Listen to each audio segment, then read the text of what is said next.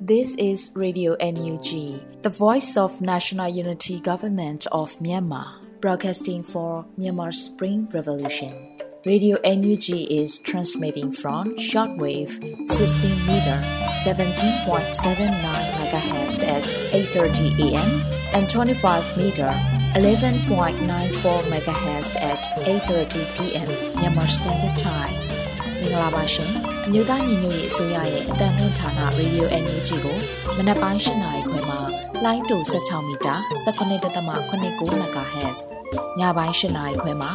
လိုင်းတူ25မီတာ17.6 MHz တို့မှာဓာတ်ရိုက်ဖမ်းယူနိုင်စေနိုင်ပါရှင်။မင်္ဂလာအပေါင်းနဲ့ပြည့်စုံကြပါစေ။အခုချိန်ကစပြီး Radio NUG အစီအစဉ်လေးကိုဓာတ်ရိုက်အတန်လွှင့်ပေးနေပါပြီရှင်။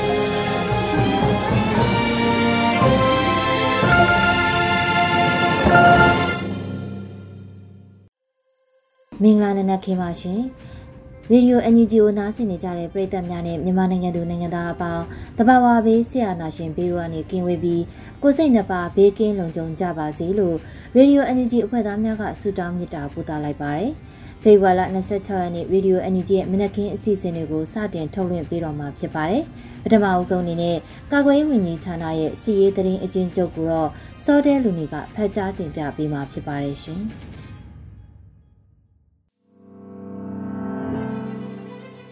မျိုးသားညီညွတ်ရေးဆိုရာကာကွယ်ရေးဝန်ကြီးဌာနမှနိုင်စဉ်ထုတ်ဝေတဲ့စစ်ရေးသတင်းအကျဉ်းချုပ်များကိုတင်ပြပေးပါတော့မယ်။သတင်းများအရရန်သူတပ်သား32ဦးသေဆုံးပြီး18ဦးထိခိုက်ဒဏ်ရာရရှိခဲ့ကြောင်းသတင်းရရှိပါရခင်ဗျာ။စစ်ကောင်စီနဲ့တိုက်ပွဲဖြစ်ပွားမှုများမှာကရင်ပြည်နယ်တွင်ဖေဖော်ဝါရီလ22ရက်နေ့နေ့လယ်2:30မိနစ်ခန့်ကရန်သူတပ်၏အမှတ်73စစ်စင်ရေးကုတ်ကဲမှုဌာနချုပ်985တပ်ရင်ထုံနှုတ်အဖွဲ့၏ရင်သုံးစီဖလူးဝေါ်လီလမ်းမပေါ်တွင်ဖြတ်တန်းစဉ်ကော့ဘရာစစ်ကြောင်းနှင့်ထိတွေ့တိုက်ပွဲဖြစ်ပွားခဲ့ပါသည်။ တိုက်ပွဲဖြစ်ပွားပြီး15မိနစ်သာကြာခဲ့တော့လဲရန်သူဘက်မှဘုံမှုတအုပ်နဲ့အခြားဆင့်တူသေဆုံးခဲ့ပြီး၄ဦးထိခိုက်ဒဏ်ရာရရှိကရန်သူတပ်ကကားပေါ်မှရန်တမ်းပစ်ခတ်သဖြင့်ဒုက္ခသည်စခန်းတွင်ခိုလုံနေသောပြည်သူတအုပ်ဦးကောင်းထိခိုက်ဒဏ်ရာရရှိခဲ့ပါတယ်။ကော့ဘရာစစ်ကြောင်းမှာရဲဘော်တအုပ်ဒဏ်ရာရရှိခဲ့တော့လဲစိုးရိမ်စရာအခြေအနေမရှိကြောင်းသတင်းရရှိပါရခင်ဗျာ။ မော်ပြည်နယ်တွင်ဖေဖော်ဝါရီလ24ရက်နေ့မနက်7:42မိနစ်ခန့်ကဘီလင်းမြို့နယ်တွင်တိုက်ထုံမြို့နယ်ဘက်မှဝင်ရောက်လာသောရန်သူကား9စီးကိုတော်လိုင်းအင်အားစုများကပူးပေါင်းတိုက်ခိုက်ခဲ့ရာနှစ်စီးမိုင်းထိမှန်ခဲ့ကြောင်းသတင်းရရှိပါရခင်ဗျာ။စကိုင်းတိုင်းတွင်ဖေဖော်ဝါရီလ24ရက်နေ့နေ့လယ်ပိုင်းက မုံရွာမြို့နယ်လောက်ဝက်ကရုံတွင်တပ်ဆွဲထားသောရန်သူတပ်သားများကိုပြည်သူ့ကာကွယ်ရေးတပ်မတော်မုံရွာခရိုင်တရင်ခုနှစ် Lightning People Defense Force နှင့်မော်လိုက်ခရိုင်တရင်နှင့်မုံရွာ The Voice နှင့် PDF South မုံရွာတို့က drone အီနာက RPG တို့ဖြင့်တိုက်ခိုက်ခဲ့ရာရန်သူတပ်သား၄ဦးသေဆုံးသွားခဲ့ကြောင်းသတင်းရရှိပါရခင်ဗျာ ဖေဖော်ဝါရီလ23ရက်နေ့မနက်10:30မိနစ်ခန့်ကအရာတော်မြို့နယ်မင်းရွာကြီးမြောက်ဘက်တွင်မိရှို့နေသောရန်သူတပ်သား80ဦးအားအင်အားပြတ်နေခြင်းကြီးရွာချမ်းစီယိုအစံမီတာ90ခန့်အကွာတောင်သာ PDF စကိုင်းခရိုင်တရင်ခုနှစ်တို့ကအနီးကတိုက်ခိုက်ခဲ့ရာရန်သူတပ်သား10ဦးသေဆုံးခဲ့ပြီးမိမိတို့ဘက်မှအထိကိမရှိဘဲပြန်လည်ဆုတ်ခွာနိုင်ခဲ့ကြောင်းသတင်းရရှိပါရခင်ဗျာ။ မကွေးတိုင်းတွင်ဖေဖော်ဝါရီလ24ရက်နေ့မနက်9:20မိနစ်ခန့်ကရေစကြိုမြို့နယ်အခြေပြုခလာရ256 259 258တပ်ရင်းများကို ရေစကြိုမြို့နယ်ပြည်သူ့ကာကွယ်ရေးတပ်ဖွဲ့ရေစကြိုပကဖာနှင့်ရေစကြိုမြို့နယ်အခြေပြုဒေသကာကွယ်ရေးတပ်ဖွဲ့များရေလဲကျွန်းဒေသအခြေပြုဒေသကာကွယ်ရေးတပ်ဖွဲ့ဝင်များပခုတ်ကူမြို့နယ်အခြေပြုဒေသကာကွယ်ရေးတပ်ဖွဲ့ဝင်များပူးပေါင်းကတာဝေးပစ်ရှော့တိုက်တုံးများဖြင့်ပစ်ခတ်တိုက်ခိုက်ခဲ့သောကြောင့်ရန်သူတပ်ဖွဲ့ဝင်များစွာထိခိုက်ဒေဆုံးပြီးတရင်258အတွင်းရှိရန်သူစောက်အုပ်များပျက်စီးဆုံးရှုံးနိုင်ကြောင်းသတင်းရရှိပါရခင်ဗျာ။ ဖေဖော်ဝါရီလ24ရက်နေ့မနက်8:15မိနစ်ခန့်ကရေစကြုံမြို့နယ်နှင့်9မိုင်ခန့်အကွာဇီးတော်ရွာပြူစောတိရွာဒေသကိုဒေသကာကွယ်ရေးတပ်ဖွဲ့ဝင်များကစီးနှင်းတိုက်ခိုက်နေစဉ်ရေစကြုံမြို့မှစနဘိန်းကားကြီးတစ်စီးဖြင့်ထွက်ခွာလာသောရန်သူစစ်ကြောင်းကိုလမ်းမိုင်းတနေရာသို့ရောက်စဉ်ဒေသကာကွယ်ရေးတပ်ဖွဲ့များကမိုင်းဆွဲတိုက်ခိုက်ခဲ့သောကြောင့်ရန်သူတပ်ဖွဲ့ဝင်များစွာထိခိုက်ဒေဆုံးနိုင်ကြောင်းသိရရှိပါရခင်ဗျာ။ ဖေဖော်ဝါရီလ23ရက်နေ့နေ့လယ်တနာရီခန့်ကရေစကြိုမြို့နယ်အခြေဆိုင်ရေစကြိုခမရ258တပ်ရင်အတွင်းမှာကားသေး3စီးဖြင့်ရေစကြိုမြို့အတွင်းသို့ဝင်ရောက်လာသောရန်သူတပ်ဖွဲ့ဝင်များကိုစိုက်ပျိုးရေးခြံအနီးသို့ရောက်ရှိစဉ်ရေစကြိုပြည်သူ့ကာကွယ်ရေးတပ်ဖွဲ့ရေစကြိုပကဖာကပရိဒါမိုင်းများအုံပြုကဖောက်ခွဲတိုက်ခိုက်ခဲ့သောကြောင့်ကားသေးနှစ်စီးနေရာ၌ပင်ပျက်စီးဆုံးရှုံးခဲ့ပြီးရန်သူတပ်ဖွဲ့ဝင်များစွာထိခိုက်ဒေဆုံးနိုင်ကြောင်းသိရရှိပါရခင်ဗျာ။ မမန္တလေးတိုင်းတွင်ဖေဖော်ဝါရီလ24ရက်နေ့မနက်10:30မိနစ်ခန့်ကစင်ကိုင်မြို့နယ်နယ်ရီကန်အုပ်စုအတွင်းရှိရွှေလံဖိုကန်အောက်ရွာနှင့်စိုက်ပျိုးရေးရွာကြားမြလိတ်တောင်ကန်အနီးတွင်ကင်းလှည့်ရန်ထွက်လာသောရန်သူအင်အား20ခန့်ပါတီကားကြီးတစ်စီးကိုပြည်သူ့ကာကွယ်ရေးတပ်မတော်ကြောက်စဲခရိုင်တပ်ရင်းတင်ငကနီတပ်ရင်းနှင့်ဒုထဝရီဒေါ်လာရင်းအင်အားစုတို့ကပူးပေါင်း၍မိုင်းဆွဲတိုက်ခိုက်ခဲ့ရာရန်သူတပ်သား9ဦးသေဆုံးခဲ့ပြီးကြံ12ဦးပြင်းထန်စွာထိခိုက်ဒဏ်ရာရရှိခဲ့ကြောင်းသိရရှိပါရခင်ဗျာ။ ဖေဖော်ဝါရီလ23ရက်နေ့မနက်9:40မိနစ်ခန့်ကမိုးကုတ်မြို့နယ်အနောက်ပိုင်းကသဲရွာရှိအုပ်ချုပ်ရေးမှူးရုံးကိုပြည်သူ့ကာကွယ်ရေးတပ်မတော်တပ်ရင်1221နှင့်1223တို့ကပူးပေါင်း၍ပြစ်ခတ်တိုက်ခိုက်ခဲ့ရာ9မိနစ်ကြာအပြန်အလှန်ပြစ်ခတ်မှုဖြစ်ပွားခဲ့ပြီးရန်သူတပ်ဖွဲ့ဝင်3ဦးသေဆုံးခဲ့က2ဦးထိခိုက်ဒဏ်ရာရရှိခဲ့ပြီးအုပ်ချုပ်ရေးရုံး၏နေရန်ပေါက်ထွက်လျက်ရုံးအမှုပွင့်ထွက်သွားခဲ့ကြောင်းသိရရှိပါရခင်ဗျာ။ ဖေဖော်ဝါရီလ23ရက်နေ့နေ့လယ်12:30မိနစ်ခန့်ကတပိတ်ချင်းမြို့နယ်ပုံနှကြီးကျေးရွာရှိပြစောတိများကိုဗိုလ်ကောင်းငင်တော်လိုင်းအင်အားစုဗိုလ်လေးုံတပ်ဖွဲ့စင်ကူးမြို့နယ်ပကဖာ 9PDF AR ပြန်လွှာ Sky Hero Media ARDF တော်လိုင်းအင်အားစုနှင့် Peacock Warrior Force တို့ကပူးပေါင်း၍ဒရုန်းဖြင့်ဘုံးရှစ်လုံးတိုက်ခတ်ခဲ့သောကြောင့်ပြူစောတိများထိခိုက်မှုများရှိနိုင်ကြောင်းသတင်းရရှိပါရခင်ဗျာ။ ပဲခူးတိုင်းတွင်ဖေဖော်ဝါရီလ24ရက်နေ့မနက်9:30မိနစ်ခန့်ကကြောက်ကြီးမြို့နယ်ညောင်ပင်သာကျေးရွာဘုံကြီးကျောင်းအနီးတွင်အင်အားတရာခန့်ပါသောရန်သူတပ်နှင့်ပြည်သူ့ကာကွယ်ရေးတပ်ဖွဲ့တို့ထိတွေ့တိုက်ပွဲဖြစ်ပွားရာရန်သူတပ်ဖွဲ့ဝင်3ဦးသေဆုံးပြီးကာကွယ်ရေးတပ်ဖွဲ့ဝင်2ဦးထိခိုက်ဒဏ်ရာရရှိခဲ့ပါသည်ရန်သူတပ်မှလက်နက်ကြီးများဖြင့်ရန်တမ်းပစ်ခတ်ခဲ့သည့်အတွက်ပြည်သူတအုပ်ထိခိုက်ဒဏ်ရာရရှိခဲ့ပြီးစစ်ရုံနယ်ကုသမှုခံယူနေရကဒေသခံပြည်သူများထွက်ပြေးတိမ်းရှောင်နေရကြောင်းသတင်းရရှိပါရခင်ဗျာစစ်ကောင်စီကျူးလွန်သောရာဇဝတ်မှုများမှာစကိုင်းတိုင်းတွင် ဖေဖော်ဝါရီလ25ရက်နေ့မနက်10:48မိနစ်ခန့်ကမြင်းမှုမြို့နယ်ဗဒထိုင်းကျေးရွာတွင်ရှိနေအိမ်များကိုရန်သူတပ်သားများကမိရှို့သွားခဲ့ကြောင်းသတင်းရရှိပါရခင်ဗျာဖေဖော်ဝါရီလ25ရက်နေ့ကကမ်ဘလူမြို့နယ်ကိုတောင်ဘို့ကျေးရွာတွင်အထိုင်ချထားသည့်ရန်သူတပ်၏ခလာရ363တပ်နှင့်ပြူစောတိပူပေါင်းစစ်ကြောင်းကကောလင်းမြို့နယ်ကတိတ်ကုန်းကျေးရွာနှင့်ကြခတ်အိုက်ကျေးရွာမှဒေသခံအမျိုးသား19ဦးကိုဖမ်းဆီးတပ်ဖြတ်ကာရုပ်လောင်းများကိုမိရှို့ဖျက်ဆီးသွားခဲ့ကြောင်းသတင်းရရှိပါရခင်ဗျာ။ ဖေဖော်ဝါရီလ24ရက်နေ့နေ့လယ်12:30မိနစ်ခန့်ကကမ်ဘလူမြို့နယ်ဇော်ချောင်းရွာကိုကိုတောင်ဘိုးအထိုင်ခမရ363ရန်သူတပ်သားများကနေအိမ်များကို9ကြိမ်မြောက်မိရှို့သွားခဲ့ကြောင်းသတင်းရရှိပါရခင်ဗျာဖေဖော်ဝါရီလ24ရက်နေ့မနက်ပိုင်းတွင်ရင်းမပင်မြို့နယ်တာဝကျေးရွာကိုဝင်ရောက်စီးနှင်းကညအိတ်နေခဲ့သောရန်သူတပ်သား100ခန့်ကနေအိမ်များကိုမိရှို့ဖျက်ဆီးသွားခဲ့ကြောင်းသတင်းရရှိပါရခင်ဗျာ။ ယခုဖော်ပြလာသောသတင်းများကိုမြေပြင်သတင်းတာဝန်ခံများနဲ့သတင်းဌာနများမှဖော်ပြလာသောအချက်လက်များပေါ်တွင်အခြေခံပြုစုထားခြင်းဖြစ်ပါတယ်ကျွန်တော်စောတယ်လူနေပါ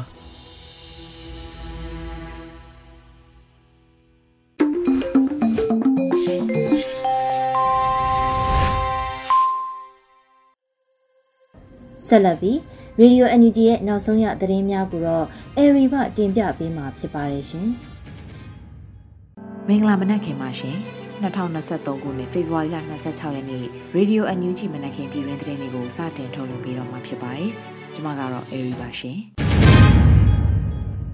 ပထမအဦးဆုံးအနေနဲ့သမရဦးဝင်းမြင့်တောင်ငူစေးရုံမှာခွေးစိတ်မှုတစ်ခုခံယူခဲ့ရတဲ့ဆိုတဲ့သတင်းထွက်ပေါ်နေတဲ့အကြောင်းအရာကိုတင်ပြပေးပါမယ်။ဒီသတင်းနဲ့ပတ်သက်လို့ဖေဖော်ဝါရီလ25ရက်နေ့မှာတော်လန်ရေးအထောက်အကူပြုပြည်သူလူငယ်အဖွဲ့အစည်း MSI ကအခုလိုဖော်ပြပါဗျ။ နိုင်ငံတော်သမ္မတဦးဝင်းမြင့်ဟာတောင်ကိုစေးရုံကြီး၌အစာအိမ်ဦးလန်းကျောင်းနှင့်ပတ်သက်၍ခွဲစိတ်မှုတစ်ခုပြုလုပ်ရကြောင်းအဆိုပါစေးရုံနှင့်နှီးဆက်သည့်အတိုင်းဝိုင်းမှသတင်းပေးပို့လာတယ်လို့ MSI ကဖော်ပြပါတယ်။နိုင်ငံတော်သမ္မတဦးဝင်းမြင့်ကိုအကြမ်းဖက်စစ်အုပ်စုဟာနိုင်ငံတော်အာဏာလုယူခဲ့တဲ့2021ခုနှစ်ဖေဖော်ဝါရီလ၁ရက်နေ့ကတည်းကမတရားဖမ်းဆီးချုပ်နှောင်ခဲ့တာဖြစ်ပါတယ်ရှင်။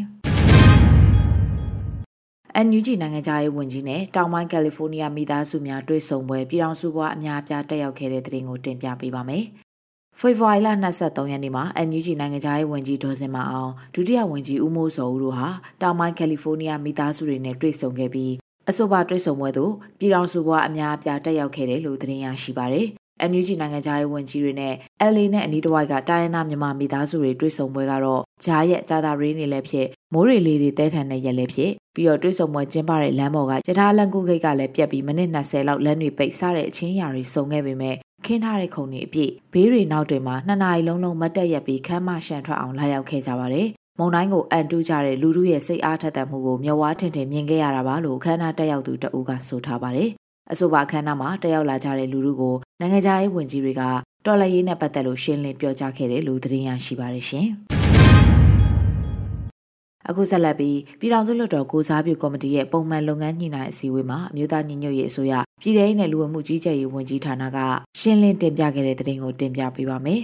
ပြည်ထောင်စုလွှတ်တော်ကိုစားပြုကော်မတီအဖွဲ့ဝင်တွေဟာအမျိုးသားညီညွတ်ရေးအစိုးရပြည်ထရေးနဲ့လူဝင်မှုကြီးကြပ်ရေးဝန်ကြီးဌာနတာဝန်ရှိသူတွေနဲ့တွေ့ဆုံပြီးဝန်ကြီးဌာနရဲ့လုပ်ငန်းတွေဆောင်ရွက်ထားရှိမှုအခြေအနေတွေနဲ့ရှေ့လုပ်ငန်းစဉ်တွေကိုရှင်းလင်းတင်ပြခြင်းအစီအစဉ်တရက်ကိုဖေဖော်ဝါရီလ24ရက်နေ့ကဗီဒီယိုကွန်ဖရင့်ကနေတဆင့်ကျင်းပပြုလုပ်ခဲ့တယ်လို့သိရှိရပါတယ်။ပထမဦးစွာပြည်ထောင်စုလွှတ်တော်ကိုစားပြုကော်မတီဥက္ကဋ္ဌဦးအောင်ကြည်ညွန့်ကအဖွဲ့မှစကားပြောကြားပြီးတဲ့နောက်မှာ ပြည်ထောင်စုနဲ့လူဝင်မှုကြီးကြပ်ရေးဝန်ကြီးဌာနအမြဲတမ်းအတွင်းဝင်ဦးကွမ်မင်းက one year plan အတွက်ဝန်ကြီးဌာနရဲ့လုပ်ငန်းဆောင်ရွက်ချက်တွေကဏ္ဍလိုက်အကောင့်ထဲပေါ်နိုင်မှုတွေလုပ်ငန်းအစီအမံတွေဂျားကာလာဒေသန္တရပြည်သူ့အုပ်ချုပ်ရေးဖော်ဆောင်မှုဗဟိုကော်မတီနဲ့လုပ်ငန်းဆောင်ရွက်ချက်တွေမှတ်တမ်းတင်ထားရှိရမယ့်တဲ့အချက်လက်တွေစုစည်းထားရှိမှုအခြေအနေတွေအပါအဝင်ဗျူဟာမြောက်ရှိလုပ်ငန်းစဉ်တွေကိုရှင်းလင်းတင်ပြခဲ့ပါတယ်။အဲဒီနောက်မှာတက်ရောက်လာကြတဲ့အဖွဲ့ဝင်တွေကပြည်သူ့အုပ်ချုပ်ရေးဆိုင်ရာကိစ္စရပ်တွေနဲ့ဆက်လင်းပြီး အသီးသီးဆွေးနွေးမေးမြန်းရမှာတာဝန်ရှိသူတွေကပြန်လည်ရှင်းလင်းဖြေကြားခဲ့ကြပါတယ်။အဲဒီနောက်ပုံမှန်လုပ်ငန်းညှိနှိုင်းအစည်းအဝေးကိုဆက်လက်ကျင်းပခဲ့ပြီးရေးရကော်မတီတွေအနေနဲ့လုပ်ငန်းတွေဆောင်ရွက်ထားရှိမှုတွေကိုတင်ပြအစီရင်ခံတာနဲ့ရှေ့ဆက်အကောင့်ထဲပေါ်ဆောင်ရွက်မဲ့လုပ်ငန်းတွေကိုညှိနှိုင်းဆွေးနွေးတာတွေပြုလုပ်ခဲ့ကြတယ်လို့သတင်းရရှိပါတယ်ရှင်။နှွေဦးတော်လှန်ရေးမှာငွေကြေးစနစ်လက်နက်ထုတ်လုပ်ရေးကအစကိုချေကိုရက်တီလာနိုင်တဲ့အစိုးရတရက်ဖြစ်လာပြီးလို့ပြည်ထောင်စုဝန်ကြီးဒေါက်တာတူးခေါင်ပြောကြားလိုက်တဲ့သတင်းကိုတင်ပြပေးပါမယ်။ ဖေဖော်ဝါရီလ25ရက်နေ့မှာပြည်ထောင်စုဝန်ကြီးဒေါက်တာတူးခေါင်ကအခုလိုပြောဆိုခဲ့တာပါအရင်ကတော်လှန်ရေးတွေနဲ့မတူတာကကိုချေကိုရက်တီလာနိုင်တဲ့အစိုးရတရက်ဖြစ်လာတာပဲငွေကြေးစနစ်လက်နက်ထုတ်လုပ်ရေးကအစအာတင်ထားကြပါပြန်ဆောင်ကြမယ်လို့ဝန်ကြီးကဆိုပါတယ်လက်ရှိမှာ NUG ရဲ့ကာကွယ်ရေးဝန်ကြီးဌာနဟာပြည်သူ့ကာကွယ်ရေးတပ်ဖွဲ့တွေကိုမွမ်းမံတင်နန်းနေနဲ့လက်နက်တပ်ဆင်ပေးတာတွေကိုဆောင်ရွက်လျက်ရှိနေပါတယ်ရှင်အခုတခါ တနင်္သာရီဒေသဟာလွတ်မြောက်ဖို့ရအကောင်းဆုံးဒေသတွေမှာပါနေတယ်လို့ပြည်ထောင်စုဝန်ကြီးဦးထင်လင်းအောင်ပြောကြားလိုက်တဲ့သတင်းကိုတင်ပြပေးပါမယ်ဖေဖော်ဝါရီလ25ရက်နေ့ကအမျိုးသားညီညွတ်ရေးအစိုးရဆက်သွယ်ရေးသတင်းအချက်အလက်နဲ့ဤပညာဝန်ကြီးဌာနပြည်ထောင်စုဝန်ကြီးဦးထင်လင်းအောင်ကပါဝင်လက်တွဲတနင်္သာရီအောင်ပွဲ project မှာပါဝင်ထောက်ပို့ပေးကြဖို့တိုက်တွန်းပြောကြားရမှာအခုလိုဆိုခဲ့ပါတယ်။တနင်္သာရီဒေသဟာလွတ်မြောက်ဖို့ရအကောင်းဆုံးဒေသတွေမှာပါနေတယ်။ထို့အတူပဲအမတန်မှကိုအရေးပါတဲ့ဒေသလည်းဖြစ်တယ်။ ပင်လယ်ထွက်ပေါက်လည်းရှိတယ်။အစရှိသဖြင့်ပေါ့လေတနင်္သာရီဒေသကဒေသခံတွေရဲ့တော်လှန်မှုခုခံမှုတွန်းလှန်စစ်တွေကအင်အားကောင်းနေတာမျိုးတွေအခုဆိုတော်တော်တွေ့နေရတယ်လို့ဝန်ကြီးကဆိုပါတယ်။လက်ရှိမှာတနင်္သာရီဒေသအတွက်ပါဝင်လက်တွဲတနင်္သာရီအောင်ပွဲဒေါ်လာတသိန်းကမ်ပိန်းကိုစတင်ဆောင်ရွက်လျက်ရှိနေပြီလည်းဖြစ်ပါတယ်ရှင်။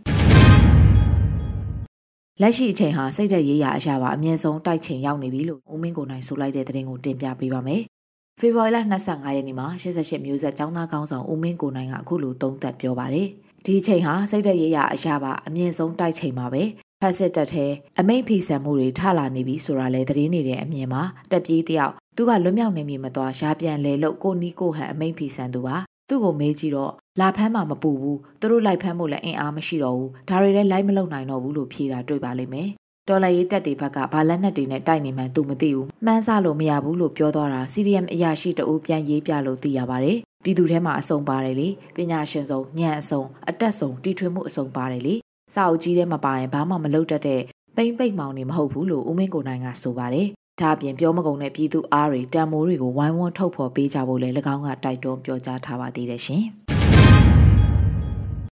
ကချင်ပြည်နယ်ပညာရေးဆောင်ကချင် State Comprehensive University KSCU တက္ကသိုလ်ရဲ့ပထမအကြိမ်ဖွင့်တဲ့ပင်အခမ်းအနားကို KIO ဌာနချုပ်မှာကျင်းပခဲ့တဲ့တဲ့တင်ကိုတင်ပြပေးပါမယ်။ဖေဖော်ဝါရီလ25ရက်နေ့မနက်10:00နာရီအချိန်မှာ KIO ဗဟိုဌာနချုပ်လိုင်စာမြို့ Simpro Majoy ခမ်းမမှာကချင်ပြည်နယ်ပညာရေးဆောင်ကချင် State Comprehensive University KSCU တက္ကသိုလ်ရဲ့ပထမအကြိမ်ဖွင့်တဲ့ပင်အခမ်းအနားကိုကျင်းပခဲ့တယ်လို့သတင်းရရှိပါတယ်။အခမ်းအနားကိုအန်ယူဂျီအစိုးရပညာရေးဝန်ကြီးဒေါက်တာစောဝေစိုးနဲ့ ဒုတိယဝန်ကြီးကြားထွေပန်တို့ကမိန့်ခွန်းပြောကြားခဲ့တယ်လို့ကချင် News Group ကဖော်ပြထားပါတယ်။အဲဒီနောက်မှာတက္ကသိုလ်အဓိပတိဒုတိယဗိုလ်ချုပ်ကြီးဆွမ်လွတ်ကွမ်မော်ကတက္ကသိုလ်ဘွဲလက်မှတ်တွေကိုចောင်းသားចောင်းသူတွေထံပေးအပ်ချီးမြှင့်ခဲ့ပါတယ်။ဘွဲလက်မှတ်တက်ရောက်ယူခဲ့တဲ့ចောင်းသားចောင်းသူ64ဦးနဲ့အဝေးရောက်တအူစုစုပေါင်း65ဦးထိရှိခဲ့တယ်လို့သတင်းရရှိပါတယ်ရှင်။ဆက်လက်ပြီး Federal Wings ရဲ့ drone mission တွေမှာလစဉ်ပါဝင်လှူဒန်းမှုຫນွေဦးအောင်လန်ကတိုက်တွန်းလိုက်တဲ့သတင်းကိုလည်းတင်ပြပေးပါမယ်။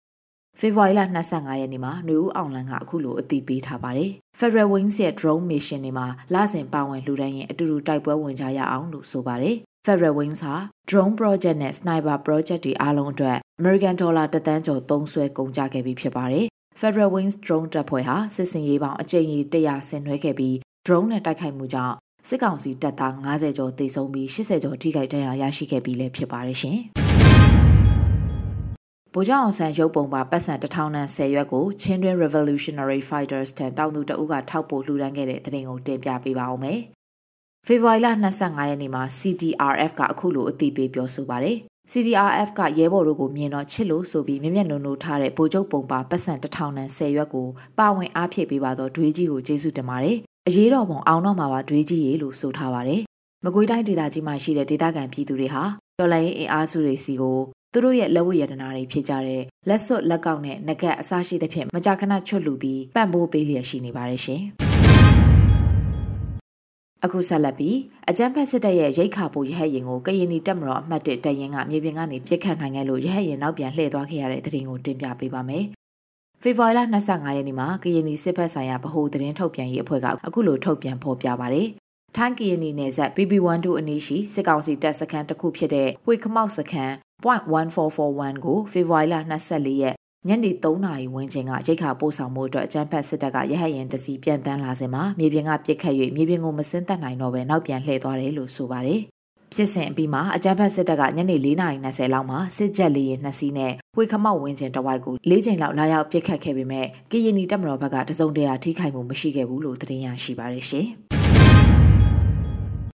အခုနောက်ဆုံးသတင်းအနေနဲ့ကရင်ပြည်နယ်ဖျားသုံးစုမြို့မှာရှိတဲ့နေမြေခံရဲစခန်းထိတွေ့တိုက်ပွဲမှာရဲစခန်းနဲ့စစ်ကောင်စီတပ်တွေဘက်က12ဦးသေဆုံးခဲ့တဲ့သတင်းကိုတင်ပြပေးပါမယ်။ဖေဖော်ဝါရီလ25ရက်နေ့မနက်6နာရီအချိန်လောက်ကစတင်ပြီးဖျားသုံးစုမြို့မှာရှိတဲ့နေမြေခံရဲစခန်းကိုငကနီစစ်ကြောင်းပူးပေါင်းတပ်ဖွဲ့ကတိုက်ခိုက်ခဲ့တယ်လို့ဆိုပါတယ်။ဖျားသုံးစုမြို့ရှိနေမြေခံရဲစခန်းအားမိမိတို့ငကနီစစ်ကြောင်းပူးပေါင်းတပ်ဖွဲ့မှဖေဖော်ဝါရီလ25ရက်နေ့မနက်6နာရီအချိန်ခန့်တွင်စတင်တိုက်ခိုက်ခဲ့ပါတယ်။ တိုက်ပွဲစတင်ဖြစ်ပွားပြီးဖျားသုံးစုမျိုးအတွင်းမှာအကြမ်းဖက်စစ်ကောင်စီခလာရ284ခလာရ9ခွန်တပ်များမှထုတ်နှုတ်အင်အား30ခန့်ဟာမိမိတို့တိုက်ပွဲဖြစ်ပွားရာနေရာသို့စစ်ကူအနေဖြင့်ဝင်ရောက်လာခဲ့ရာပြန်ဆုတ်ခွာချိန်မနက်9နာရီဝန်းကျင်အချိန်တွင်မိမိတို့တပ်များနှင့်ထိတွေ့တိုက်ပွဲထပ်မံဖြစ်ပွားခဲ့ပါတယ်လို့ဆိုပါတယ် မနက်၈နာရီလောက်မှာပူပေါင်းတပ်တွေပြန်လည်ဆုတ်ခွာနိုင်ခဲ့ပြီးစုစုပေါင်းတိုက်ပွဲကြာချိန်2နာရီလောက်ကြာမြင့်ခဲ့တယ်လို့သိရပါတယ်။တိုက်ပွဲအတွင်းမှာရဲစခန်းနဲ့စစ်ကောင်စီတပ်တွေဘက်ကရန်သူအင်အား၁၁ဦးသေဆုံးခဲ့တယ်လို့သိရှိရပြီးကာကွယ်ရေးတပ်မတော်ဘက်ကရဲဘော်တအူနိုင်ငံအတွက်အသက်ပေးလူသွားခဲ့ရတယ်လို့သတင်းရရှိပါတယ်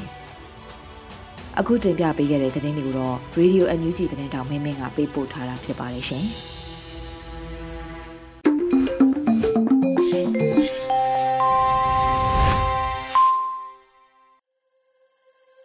ရေဒီယို NUG မှဆက်လက်အသံလွှင့်ပေးနေပါတယ်။အခုတစ်ခါမှာတော့ပြည်သူခုခံစစ်သတင်းများကိုအောင်တွေဦးမှဖတ်ကြားတင်ပြပေးမှာဖြစ်ပါတယ်ရှင်။ပထမဦးစွာပခုတ်ကူတွင်ကင်းလက်စစ်ကြောင်းကိုတိုက်ခိုက်မှုနှစ်ဦးသေဆုံးတဲ့သတင်းကိုတင်ဆက်ပါမယ်။မကွေးတိုင်းပခုတ်ကူမြို့မြို့ရှောင်းလန်းတွင်ကင်းလက်နေသည့်စစ်သားများကိုပြစ်ခတ်တိုက်ခိုက်ရာနှစ်ဦးသေဆုံးကြောင်းဒေသခံတွေကဆိုပါတယ်။ဖေဖော်ဝါရီလ23ရက်နေ့ည8:00နာရီခန့်က ပခုတ်ကူမြို့မြို့ရှောင်းလန်းတနေရာတွင်ကင်းလည်ပြီးပြန်လာသည့်စစ်သားများကိုပခုတ်ကူမြို့ပြပျောက်ကြားတပ်ဖွဲ့တစ်ခုဖြစ်သည့် Special Gorilla 4 SGF ကုတ်ကူအဖွဲ့က40မမဘုံဒီလေးလုံးဖြင့်၎င်းလက်နက်ငယ်များဖြင့်၎င်းမိနစ်နည်းကန်ခန့်ပစ်ခတ်တိုက်ခတ်ခဲ့ရာအကြမ်းဖက်စစ်သားတို့သေဆုံးပြီး၄ဦးဒဏ်ရာရရှိခဲ့တယ်လို့သိရပါတယ်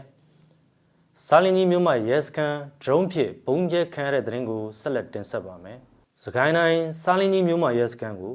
PDF တပ်ဖွဲ့က drone ဖြင့်ဘုံကျဲတိုက်ခိုက်ခဲ့ကြောင်း Spaceman စားလင်းကြီး drone army SSDA အဖွဲ့ကထုတ်ပြန်ပါတယ်။ဖေဖော်ဝါရီလ24ရက်နေ့ည6နာရီခန့်တွင်စားလင်းကြီးမြို့နယ်စားလင်းကြီးမြို့မှာရဲစခန်းကို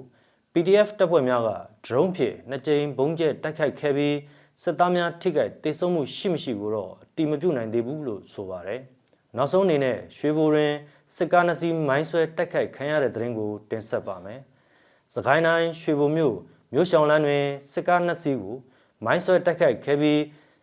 စစ်ကားတစ်စီးပျက်စီးခဲ့ကြောင်းတိတ်ထိရှင်ပြည်သူ့ကာကွယ်တပ်ဖွဲ့ကဆိုပါတယ်။ယမနေ့ဖေဖော်ဝါရီလ23ရက်နေ့ည8:45မိနစ်ခန့်အချိန်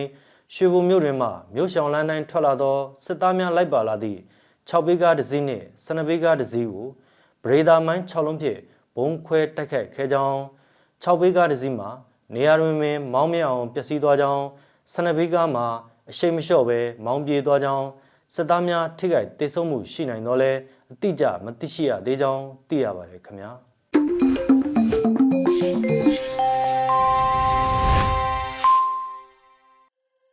ဆက်လက်ပြီး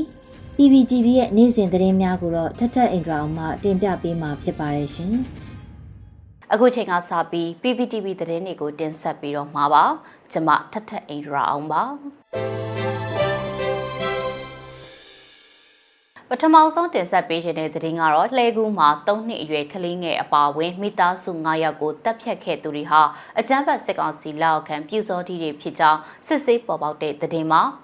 ရန်ကုန်တိုင်းလှဲကူးမြို့ရိတ်တာရက်ကွက်မှာဖေဖော်ဝါရီလ22ရက်နေ့ည8နာရီကအသက်3နှစ်အရွယ်ကလေးတအုပ်အပါအဝင်လူ9ဦးကိုတနက်နဲ့ပြစ်တက်ခံရမှုမှာတည်ဆုံခဲ့သူတွေဟာ PDF တပ်ဖွဲ့ဝင်ကျောင်းဆရာဦးစိုးဝင်းရဲ့မိသားစုဝင်တွေဖြစ်တယ်လို့သူတို့မိသားစုနဲ့နှိစက်သူတွေစီကနေသိရပါဗျ။လဲကူးမြို့နယ်ရိတ်တာရက်ကွက်မေဂဝတီလေးလမ်းမှာရှိတဲ့နေအိမ်ကိုပြူစောတိအမိခံအကြမ်းဖက်သမားတွေကဝင်ရောက်ပစ်ခတ်ခဲ့တာဖြစ်ပြီးတော့ ကျောင်းဆရာရဲ့မိသားစုဝင်တွေဆိုတာသိကြလို့ပြစ်တက်သွားတာဖြစ်တယ်လို့ဆိုပါတယ်။တေဆုံးသူတွေဟာငချောက်ပဇွန်ချောက်ရောင်းဝယ်ရေးလုပ်ကိုင်ပြီးတော့မိသားစုတွေဖြစ်တဲ့ဒေါ်ဆန်းတွေအပါဝင်ကိုမောင်မောင်မဝင်းတွေကျောင်းဆရာဦးစိုးဝင်းနဲ့မဝင်းတွေရဲ့အသက်3နှစ်အရွယ်သားနဲ့ဧည့်သည်ဖြစ်တဲ့အသက်85နှစ်အမျိုးသားတဦးတို့တေဆုံးခဲ့ကြတာဖြစ်ပါတယ်။အကြမ်းဖက်စစ်ကောင်စီရဲ့ဝါဒဖြန့်သူတွေက PDF တွေကဝင်ရောက်တပ်ဖြတ်တယ်လို့ဆွဆွဲပြောဆိုနေပေမဲ့ တကယ်ဖြစ်စဉ်တွေကတော့စစ်မှုထမ်းဟောင်းတဲ့ပြူစောတီတွေက PDF မိသားစုဝင်တွေကိုတပ်ဖြတ်တာသာဖြစ်ကြောင်းစုံစမ်းသိရှိရပါတယ်။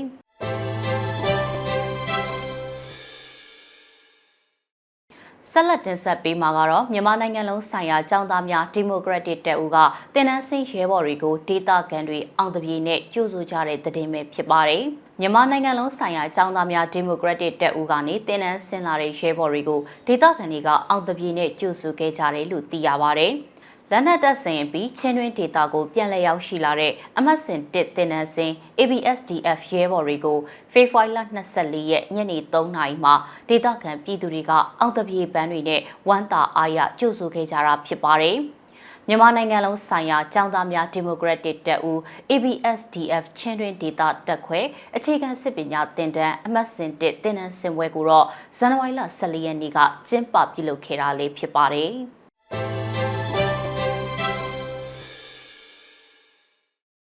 အခုဆက်လက်ပြီးတင်ဆက်ပေးမှာကတော့ကမ္ဘာဗန္ဒာရေးစောင့်ကြည့်ရေးအဖွဲ့ရဲ့နာမည်ပြစရင်မှာမြန်မာနိုင်ငံဆက်လက်ပါဝင်နေတဲ့ဆိုတဲ့သတင်းမှာ မြန်မာနိုင်ငံဟာကမ္ဘာဗန်နာရေးစောင့်ကြည့်ရေးအဖွဲ့ FATF ရဲ့နာမည်ပြစည်ရင်းတွေထဲမှာဆက်လက်ပါဝင်နေဆဲဖြစ်တယ်လို့ကမ္ဘာစောင့်ကြည့်ရေးအဖွဲ့ကဖေဖော်ဝါရီလ24ရက်မှာထုတ်ဖော်ပြောဆိုလိုက်ပါတယ်။မြန်မာနိုင်ငံနဲ့အတူမြောက်ကိုရီးယား၊အီရန်တို့ဟာအန္တရာယ်များတဲ့တရားစီရင်ဆုံးဖြတ်မှုတွေရှိနေပြီးတော့ငွေကြီးခွာချမှုနဲ့အကြမ်းဖက်မှုကိုဖြစ်ပေါ်စေတဲ့ငွေကြီးစနစ်ရှိနေတာကြောင့်အခုလိုနာမည်ပြစည်ရင်မှာဆက်လက်ရှိနေတာဖြစ်တယ်လို့လည်းဆိုပါတယ်။ ကမ္ဘာဗန္ဒာရေးစောင့်ကြည့်အဖွဲ့ကမြန်မာနိုင်ငံကိုငွေကြေးခဝါချမှုနဲ့အကြမ်းဖက်ငွေကြေးထောက်ပံ့မှုတို့ကိုတိုက်ဖြတ်ဖို့ပြက်ကွက်တာပြုပြင်ပြောင်းလဲမှုမရှိတာတွေကြောင့်2022ခုနှစ်အောက်တိုဘာလ22ရက်နေ့ကတည်းကနာမည်ပြစည်ရင်သွင်းလိုက်တာလည်းဖြစ်ပါတယ်။အမည်ပြစည်ရင်နဲ့အထူးဆောင်ကြည့်ရမယ့်စည်ရင်မှာပါဝင်တဲ့တိုင်းပြည်တွေကိုအပြည့်ပြည့်ဆိုင်ရာငွေကြေးရန်ပုံငွေအဖွဲ့ IMF ကမ္ဘာ့ဘဏ်အာရှဖွံ့ဖြိုးရေးဘဏ်နဲ့ဥရောပသမဂ္ဂတို့ကငွေကြေးအကူအညီတွေပေးအပ်တာမျိုးရှိမှာမဟုတ်သလိုနိုင်ငံတကာရဲ့စီးပွားရေးနဲ့ဗန်နာရေးဆိုင်ရာကန့်သက်ချက်တွေဒဏ်ခတ်ပိတ်ဆို့အရေးယူမှုတွေများစွာကိုလည်းရင်ဆိုင်ရမှာဖြစ်ပါတယ်။ငွေကြေးခွာချမှုတိုက်ဖြတ်ရေးကိုအပြည့်အဝဖြည့်ရှင်းဖို့ကမ္ဘာ့ဗန်နာရေးစောင့်ကြည့်ရေးအဖွဲ့ FATF ကမြန်မာနိုင်ငံကိုတိုက်တွန်းပြီးတော့လုပ်ငန်းစီမံချက်ဖော်ဆောင်ပြီးပြီးဆုံးချိန်အထိနာမည်ပြစရင်မှာဆက်လက်ပြီးတော့ရှိနေမယ်လို့ဆိုပါတယ်။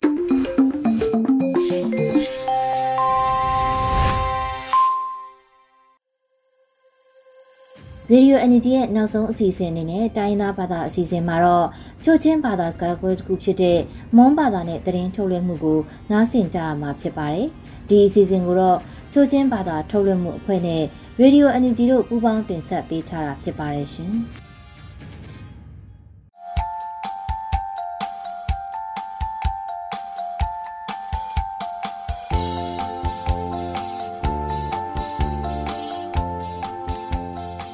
ရေဒီယိုနမိငိုင်ကနဘပိနာတူနမိရိုင်နော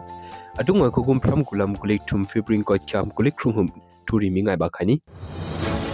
မင်ဒမာရောခန်ယုံငါဆန်းလာအေကောရီအဖူနာယကွီ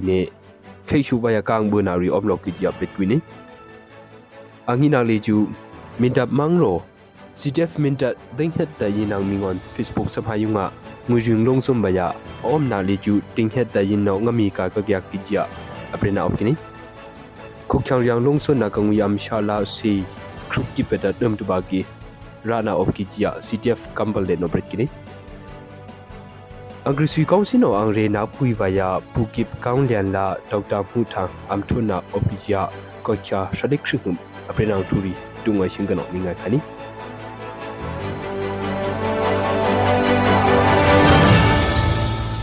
မင်ဒမန်ရောပီရောအမ်ရှာယုံအခဆန်းလာခိတူအေအောင်နာအမ်ရှာ အဖူနာယာကီလနေ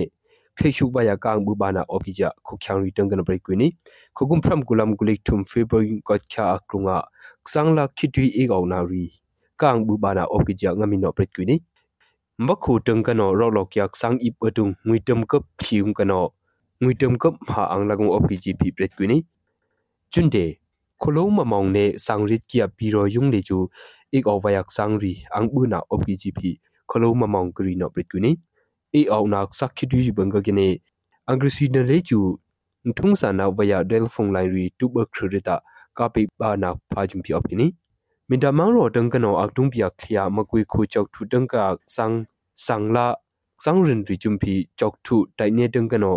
ကယွိဘာဂျန်ဘာဂျာဖေဘရင်ကိုချာရှာဟုံမပလနာအပကိနီမင်တမောင်ရောအခန်ယုံလေကျူအေအောင်နာရီအန်ပူနာအုံဒလန်ပန်းဂျုံပီအန်ဂရစီနိုဆေဆုနာရီအဘီတာဘီရောယုံငါအေအောင်နာဘာရီ ကန်ဘူဘာနာအုံကီယပီကကနီ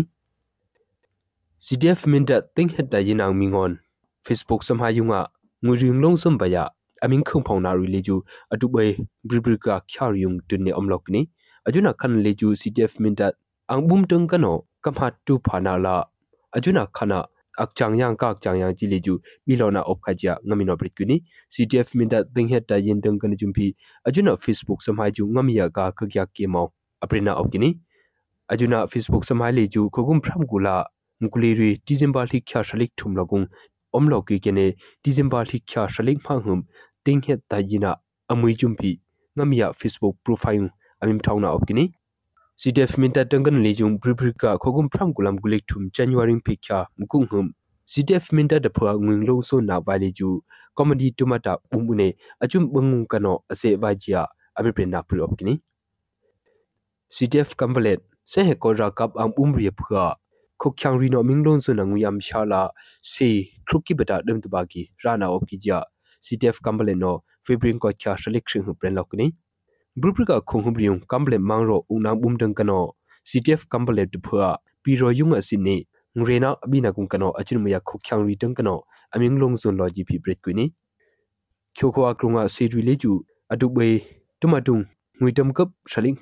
် ဂျီပီပရက်ကွီနီချိုခွာကရုံငါစီရီလေးကျူအတုဘေတမတုံငွေတမ်ကပ်ရှလိငဖောင်ကနောရှလိခရစ်အင်္ဂလာကုံအဖူနာအော့ကီနီ agrisi kaungsino angrena puiba amdia pukip kamlian la dauta mu thangli ju bribrika febrin ko cha shalik khringhum am thawna op ki ja prikini agrisi kaungsi angrena puiba puki kamlian li ju khogum phram kula gulek thum febrin ko cha anghup agrisi no aham riya kene khogum shaling phal ho ashokana adube dauta mu thangon am thongba ya kini dauta mu thangli ju khyoku USDP ya president na kene khogum phram kulam gu party zone democracy mengshu na gung thandalam mangro thoto me sanda mani dung ngsutu kipi ya kini adu be tok tam hu thanga angkrisi kaungsi no angrena pui vaya apitong pasali ju tok tam hu thang tung kano adou na omno kom no ji ju kam hap phani angkrisi kaungsi tung kano ana rubrikona angrena pui vaya hamdiya umong ha jumpi ana rubrina khogum re bena khogum phram kulam kulik thum febrin ko chaw akrung boh kong si wen tomata kya khaya mthong ne ahamdina opkija ningam titri ne atungwai thumenga le ji simma kya khani yama khokrung la khyo ko ne ma kya khyo za kya rin ban ayo thi sina ang ai na ri ayo mai ne nami bum khut nami cheng nang sa ja chingano print ne nu ba phina ban ai ne amba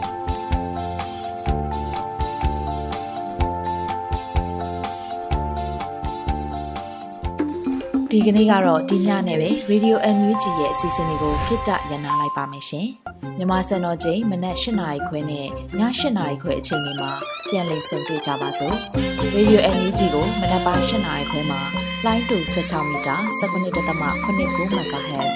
ညပိုင်း၈နာရီခွဲမှာလိုင်းတူ25မီတာ17.6 MHz တို့မှာဓာတ်ရိုက်ဖမ်းယူနားဆင်နိုင်ပါပြီ။ မြန်မာနိုင်ငံသူနိုင်ငံသားတွေကိုစိတ်နှပြ